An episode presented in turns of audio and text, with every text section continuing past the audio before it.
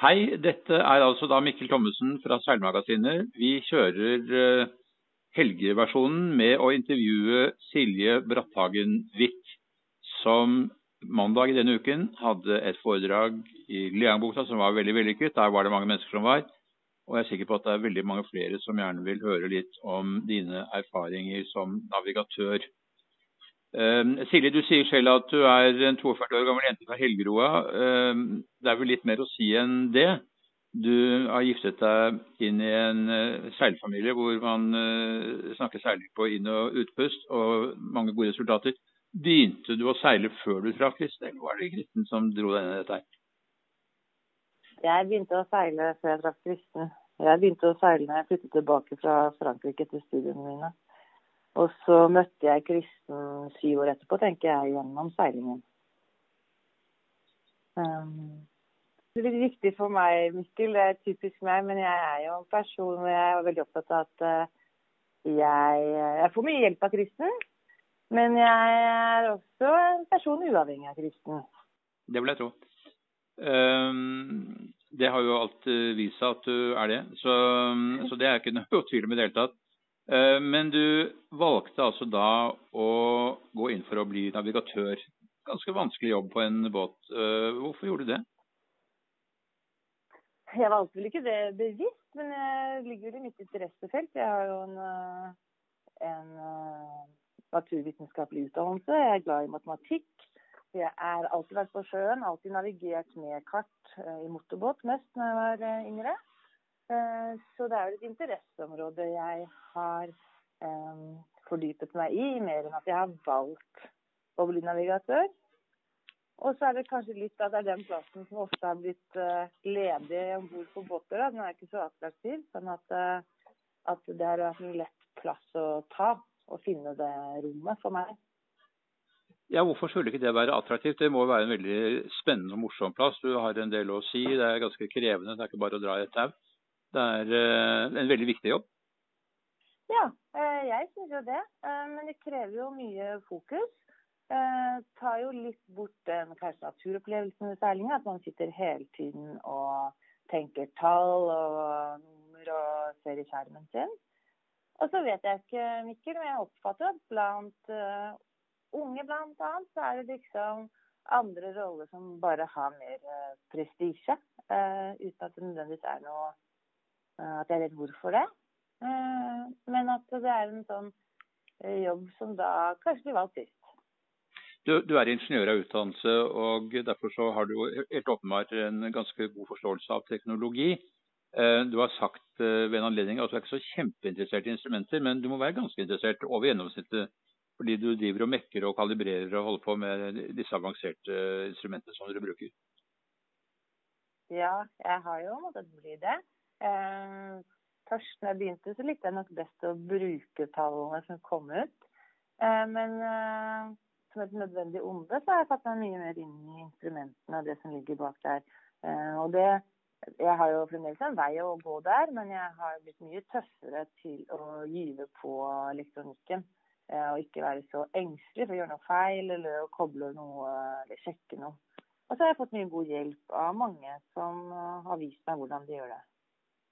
Det er selvfølgelig stor forskjell på å navigere en eh, stor båt som har all elektronikken, og det å navigere en mindre båt som en Ekspress eller Knarr eller noe sånt, hvor du mm. har i beste fall et kompass og en Windex. Um, hvordan vil du selv uh, beskrive den forskjellen og uh, mulighetene for å gjøre korrekte avgjørelser? Hvor mye større er det når du har alle instrumentene med deg? Det blir jo forskjellige typer uh, seiling. Eh, det ser man jo både med antall hoder om bord og antall, mengden informasjon man kan få tak i. Så hvis du strekker det helt fra en enmannsjolle, da, så er det jo eh, person som tar alle avgjørelsene. Og da vil jo det Man har ikke like god kapasitet alene så når man er flere. Eh, så sånn sett så i en større båt hvor man har mer kompleks eh, instrumentering, så har man også råd til å ha en person om bord som står og fokuserer kun på det. Eh, det ville jo ikke vært plass til i en ekspress. Og jeg ser at navigasjonsrollen er lite kompatibel med, med å kombinere med en annen rolle. Jeg har prøvd det noen ganger, og da går det utover enten det ene eller det andre. Krever full konsentrasjon, med andre ord? Ja, det syns jeg. Jeg har prøvd litt sånn kombinasjon lukenavigasjon. Uh, både en sesong i Cows Week. gikk det litt, litt Det var noe som ble glemt i luka der av og til, må jeg innrømme. så alle poster om bord i et større lag krever full oppmerksomhet og full konsentrasjon på den jobben man skal gjøre.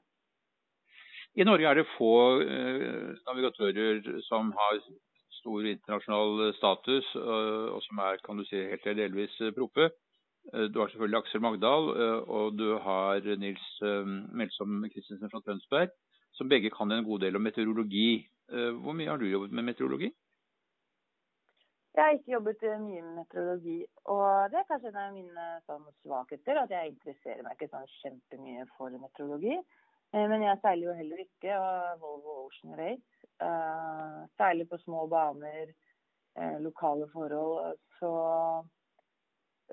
så, jeg har ikke det enorme behovet for meteorologi som fag som sådan. Jeg må lage min egen værmelding, eller om det er enorme systemer som skal passere.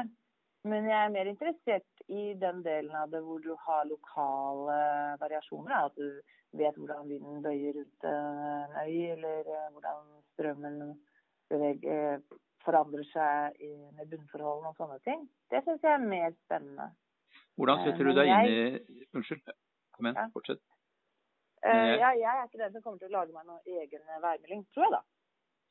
Men når du seiler da på en bane sånn som du gjør i, i Svån 50-klassen, så så seiler du på relativt korte baner. Og, og dere er avhengig av værsystemene som går over større avstand, men det er også en del lokale forhold. Hvordan setter du deg inn i det før seilasen, og under seilasen ikke minst, når det skjer endringer? Eh, jeg liker eh, Ofte så er jo det en kontinuerlig prosess med at jeg er på samme sted en hel uke, så jeg ser hvordan systemene flytter seg. Og så oppdaterer jeg hver morgen så ser jeg på værmeldingen, og da liker jeg å begynne et uh, ytterst. Altså at jeg ser på hele Europa, på bilder på lavtrykk og høytrykk. Og så ser jeg hva jeg skjønner av det, og husker hvordan det har utviklet seg fra dagen før. Og så zoomer jeg mer og mer inn. Uh, jeg er opptatt av å laste ned flere modeller. Um, og ha kontroll og forstå hvilke modeller jeg har, hvilke kilder som ligger bak, og hvordan de leser modellene. jeg. Og så når jeg da kom ut på vannet, så bruker jeg da formiddagen også på brygga før vi går ut til å se hva som stemmer nå, hvor mye klokka, hva sier de forskjellige modellene. Ja, denne er helt på jordet. Og så siler jeg litt ut sånn at jeg sitter igjen med, med noen kandidater som kan virke. Og så på sikt, hvis jeg har vært et sted flere ganger, så får jeg jo da også favoritter som jeg vet veldig ofte er riktig på bestemte steder. da. Når du da er før start, la oss si fem minutter før start, da vet du selvfølgelig en god del. Du vet hvilken side av startlinjen det lønner seg å starte på. og Du har gjort opp en mening om hvilken side av banen det lønner seg å gå på. Hva gjør du da? Jeg jobber som alltid som taktikerens assistent.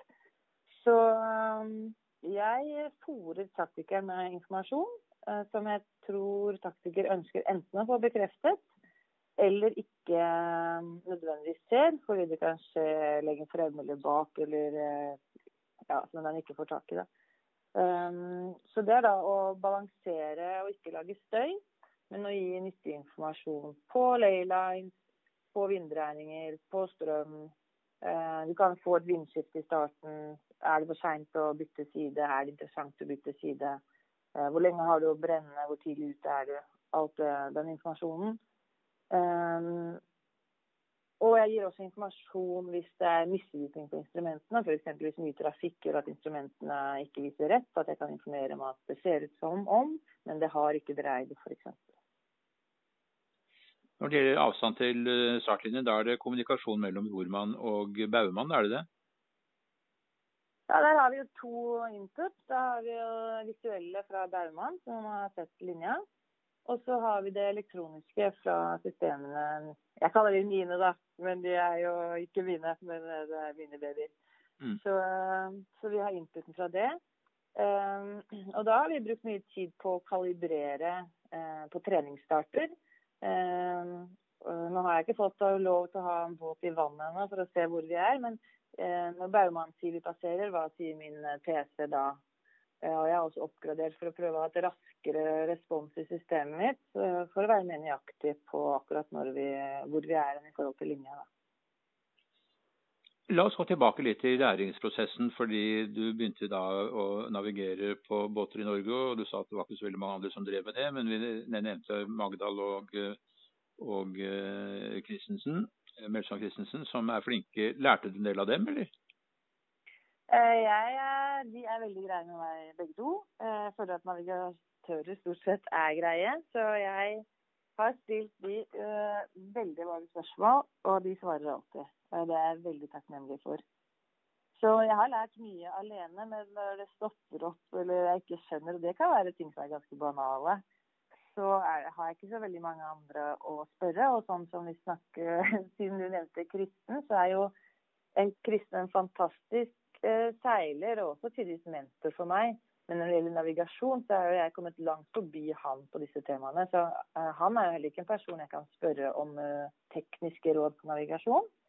Så da er jo sånn som Aksel og Nils helt uh, kjempeviktig for meg.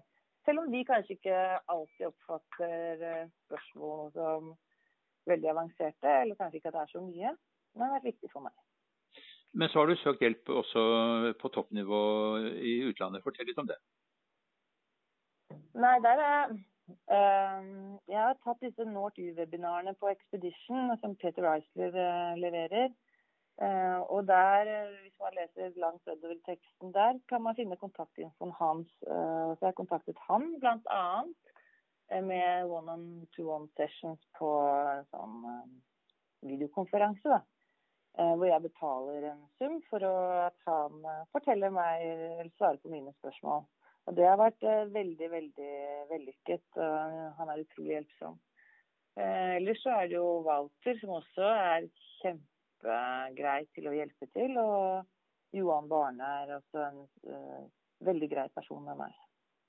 Ja, Vi snakker altså om Walter Ferbrak, som jo er kjent navigatør bl.a. i Volvo Ocean Race, og som vant uh, uh, Sydney Hobart Race uh, overall med, med, den båten han navigerte nå sist. Yeah. Men, eh, men, OK, så du da seilte eh, en del norske båter. Og eh, særlig så seilte du vel med Åsmund Rollsum et par år, og dere gjorde det bra. Og så seilte du med mm, Rå Glede, hvor Kristen var skipper. Og så dukket en mulighet opp for å komme med på laget til Morten Kielland som bor i Sveits. Han er norsk av fødsel og er eh, absolutt veldig norsk, men han har altså bodd mye i utlandet og er totalt ukjent for norske seilere. Han har vel seilt Noregata tidligere, men så plutselig så ble han overtalt til å kjøpe en Swan Club 50. Uh, og da var det Kristen og jeg tok et initiativ til å dels hjelpe han, men dels til å åpne opp for mulighet for unge norske seilere som ønsket å satse litt profesjonelt, og kunne komme med på hans båt. Og du var en av de som søkte. Hvorfor gjorde du det? Nei, det er et godt spørsmål. Um, jeg var ikke helt i målgruppen av den utlysningen dere hadde på alder. Men jeg fulgte jo Råd lederlaget, hvor det var flere som søkte, som var fortvilet over at, ikke, at dere spurte om uh, navigasjonsrollen. Så hadde jeg vel ubevisst eller bevisst satt meg i en, en posisjon hvor jeg hadde kunnskapen som var nødvendig. Jeg hadde rett eh, status som amatør i ISAF-reglementet. Så hadde jeg også posisjonert meg litt som familie. Jeg har frihet til å Jeg er ikke unger, så jeg kan reise. Jeg, eh, jobben funker bra. Så jeg kan ta fri herfra. Så sånn sett så var jeg posisjonert til at jeg kunne ta den sjansen og se om det var noe jeg kunne klare. Jeg hadde veldig behov for å måle det jeg kunne videre, og se om det kunne, hvordan det ville være i en sånn eh, internasjonal sammenheng. Du begynte altså da å seile med han høsten 2017.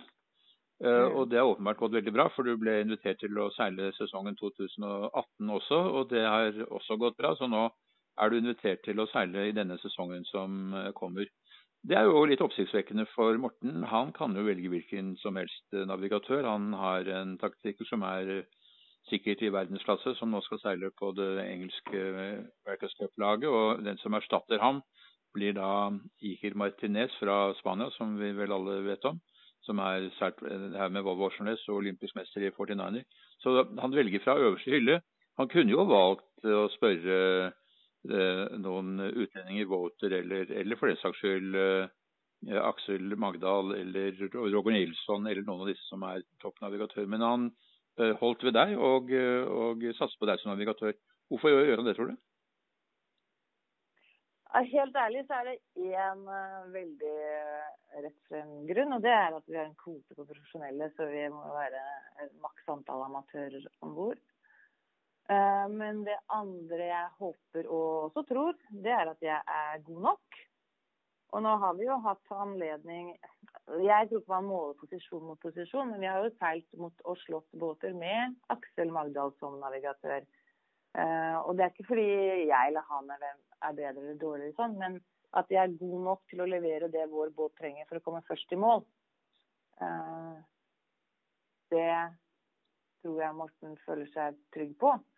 Uh, I tillegg til at vi har denne kvota, da. Uh, så det håper jeg er grunnen til at jeg må ha med meg videre. Og så passer jeg inn som passe sosialt. Og jeg gjør meg ikke bort på noen fronter, og jeg er også tilgjengelig. så det hjelper vel på, tenker jeg. Jeg tipper at det er en ganske viktig kombinasjon av sosial og, eh, og praktisk dyktighet som gjør at man lykkes om bord i en sånn båt. Eh, og der er det vel en utfordring det å være kvinne, fordi det er et veldig mannsdominert samfunn. Og, og språket bærer vel også preg av det. Det er ikke noe, det er ikke noe smålig hensyn. Og, og, det er et ganske tøft klima. Og Morten eh, Kielland, når han satser på denne båten, eh, som han gjør, bruker mye penger på det, så er vel han rimelig fokusert på at dette skal være veldig bra. Så han vil ha de beste. Men det skal også fungere sosialt. Eh, hvordan føler du det er når du er på land f.eks. og efter seiling, noen går og tar seg en øl? Drar du hjem og leser boken din da, eller hvordan innretter dere det? Nei, de er jo greie mot meg, så jeg kan få lov å være med og ta en øl. og jeg leser ikke boken min, men jeg går nok hjem og navigerer litt og ser litt på dagens tall. Men eh, jeg føler meg litt ensom. Eh, og det kan være temaer vi snakker om, eller at jeg noen ganger bare skulle ønske det var en annen jente der. Men det sagt, så har jeg grunnet mye på det i det siste og tenkt at jeg er ikke sikkert Det kan hende at noen av de andre føler seg litt ensomme inni mellom også, uavhengig av kjønn. Jeg har liksom tenkt på det litt sånn svart-hvitt. At alle guttene hang sammen som naturlige som en stor klump, og så var jeg på utsiden. Uh, men det er kanskje ikke sånn. Uh, så, så, det hadde vært fint for meg med, med flere jenter om bord. Og jeg kan også være flinkere til å prøve å oppsøke det er jo stort sett én jente i alle båtene, så jeg prøver litt å oppsøke de, men kanskje de har nok med seg selv, de også. Hvis vi, hvis vi, går tilbake til selve seilingen igjen, eh, så har du også starten, og du skal navigere sånn at du slår på vindkantryggene riktig og sånn oppover på første kryss. Eh, så kommer du til et punkt hvor du la oss si at det er en halv nautisk mil fra merket, eh, og tilsynelatende står opp det vil også si 960 meter fra merket. Hvor stor margin legger du da inn for å stå opp eller ikke stå opp? Det er jo litt kjedelig å understå, men det er ikke noe bra å overstå heller. Nei, Som sagt det er ikke det mitt call. da. Jeg informerer eh, taktiker om hvor den tekniske laylinen er. Eh, og da setter jeg den der jeg mener den er, uten margin. Men så er det taktiker som må legge på. Ja, Hvis du har en halv nautisk igjen, så har du jo skutt uh, høyre i hjørnet, da. Da kan du jo regne med at det kommer en hel del og legger seg foran deg hvis du ikke er først. Eh, så da må taktiker gjøre sine vurderinger. Eh, om han, Brautmann, ønsker å slå på den tekniske laylinen eller posisjonere seg annerledes i forhold til de andre båtene. Eh, så jeg gir faktainformasjonen, og så uten noe særlig margin, og så legger han margin oppå. Ok, Så da blir det ikke så særlig diskusjon om når du skal slå. Det er opp til han å bestemme. Og, og du gir han bakgrunnsmaterialer, slik at han kan gjøre dette riktig? Ja, sånn ser min oppgave. Hvilke oppgaver er det du har om bord ellers? Nei. Jeg står jo bak der, da, så jeg har jeg eh, slipper ofte rønnerne å jobbe med de manøverne. Eller uh, akterstagene. Vi har to akterstag, så vi har satt et storseil. Uh, ellers så er det det å gi faktainformasjon i starten. Uh, og så er det ofte si hvor merkene er, jobbe med laylines. Og så er det det å gi informasjon om vind og vindstyrke og hvordan han har utviklet seg gjennom de siste fem minuttene, ti minuttene. Særlig det, hvis vi snakker om seilbytte. da. Hvis man begynner å nærme seg en crossover fra et seil til et annet. Eh, hva jeg tror om utviklingen av været, og om det er en varig endring eller om det er en kortsiktig endring, f.eks. Og så er jo hovednavigasjonsjobben fra gammelt av å unngå å gå på grunn. Um, og det kan jo være slitsomt nok når det er coastal races nære land. Men på en sånn uh, olympisk bane midt i Panabukta, så er det jo nok hele veien. Det er vel særlig Sardina hvor det er en del grunner, er det ikke det? Jo, altså det er jo Vi har prøvd å seile rundt Palma, så nærmer man seg land, så er det jo en del grunner. Og så er det da uvant med forskjellige regler og forskjellig kvalitet på kart, f.eks. Det ser du bare fra Norge til Sverige, at Norge er det laveste lavvann.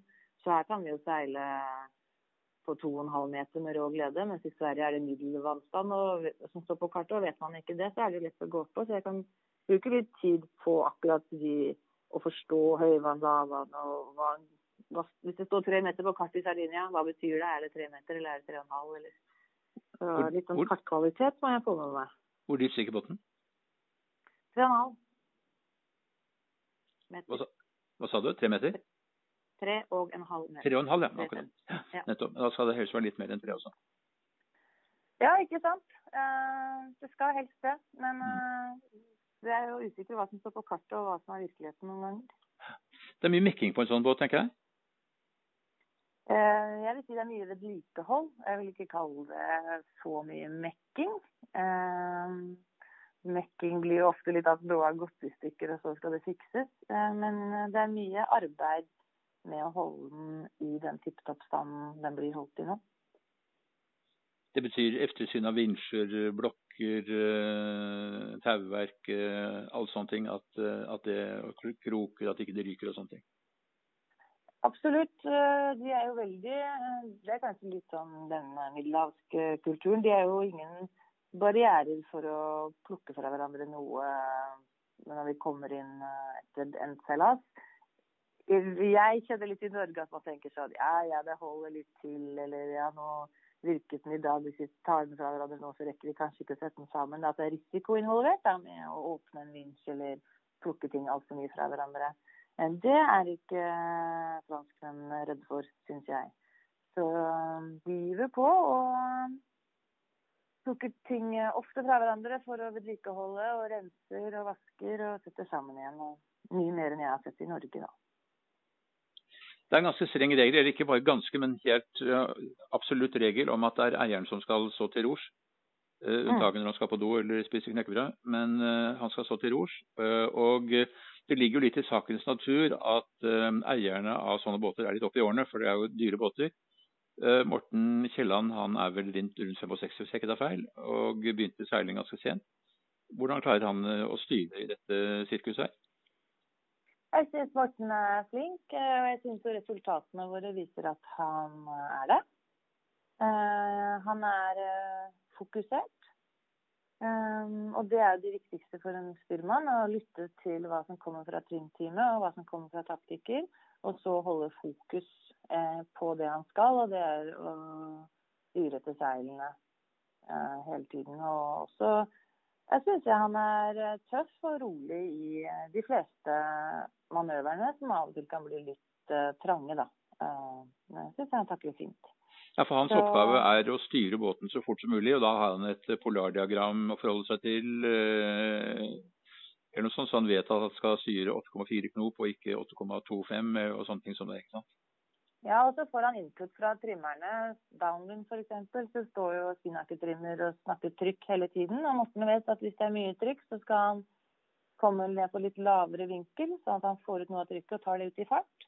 Og hvis det er lite trykk, så skal han gjøre motsatt. Komme opp og hente mer vind og få det vinden om i rett fart. Så da downwind så er det jo på en måte spinnakertrimmeren som styrer han, og upwind så er det jo lysene på fokka og storskjelltrimmen og krengingen i båten som styrer hvordan Morten eh, har hvilket rom han har å styre på.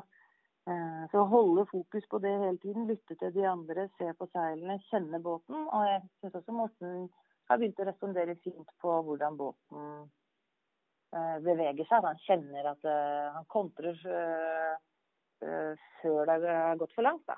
At han er proaktiv mm. i styringen. Og du sier at han er god til å konsentrere seg, slik at han, han styrer bare og blander seg ikke inn i andre ting. Om spinnakeren går opp eller ned eller noe setter fast, så er han rolig og overlater ansvaret til andre å rydde opp. Ja, jeg syns Morten har tillit til laget. Eh, han som alle andre kan bli litt frustrert hvis vi ligger bak. Eh, så da kan han jo rope litt og lure på hva som skjer. Men eh, det er jo bare ålreit, egentlig. Man kan jo spørre seg hva som skjer når man ligger bak, men han har veldig mye tillit til alle om bord. Så det syns jeg er fint. Men som skipper og eier, så er det jo han som har det ultimate ansvaret for laget. En ting er når dere seiler, da har de ansvar for sine egne posisjoner eller er inne i et hierarki. Men når det gjelder selve driften av båten og uttak på, på lag osv., så, videre, så og, og, det å skape god stemning om bord, det er Mortens ansvar. Og det, det klarer han sannsynligvis blir bra.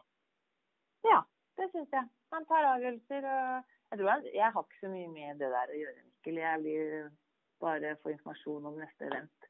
Så det er noen andre som styrer. Men jeg tror han har litt hjelp av et par av de eh, kjernemedlemmene av laget til å plukke ut folk. Og finne folk er jo ikke så lett hvis vi trenger nye. Eh, da må man jo ha litt kontakter i miljøet. Men eh, det er veldig fint å seile på Mortens lag. Så det skal du gjøre nå i ett år til. Og jeg regner med at du planlegger kanskje ikke mer enn ett år av gangen, så du kjører dette løpet her.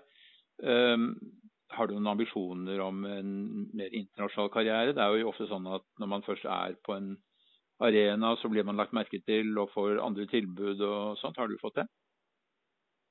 Eh, ja, jeg har jo Det har kommet noen litt flere tilbud nå fra en uh mulig fransk båt uh, eventuelt.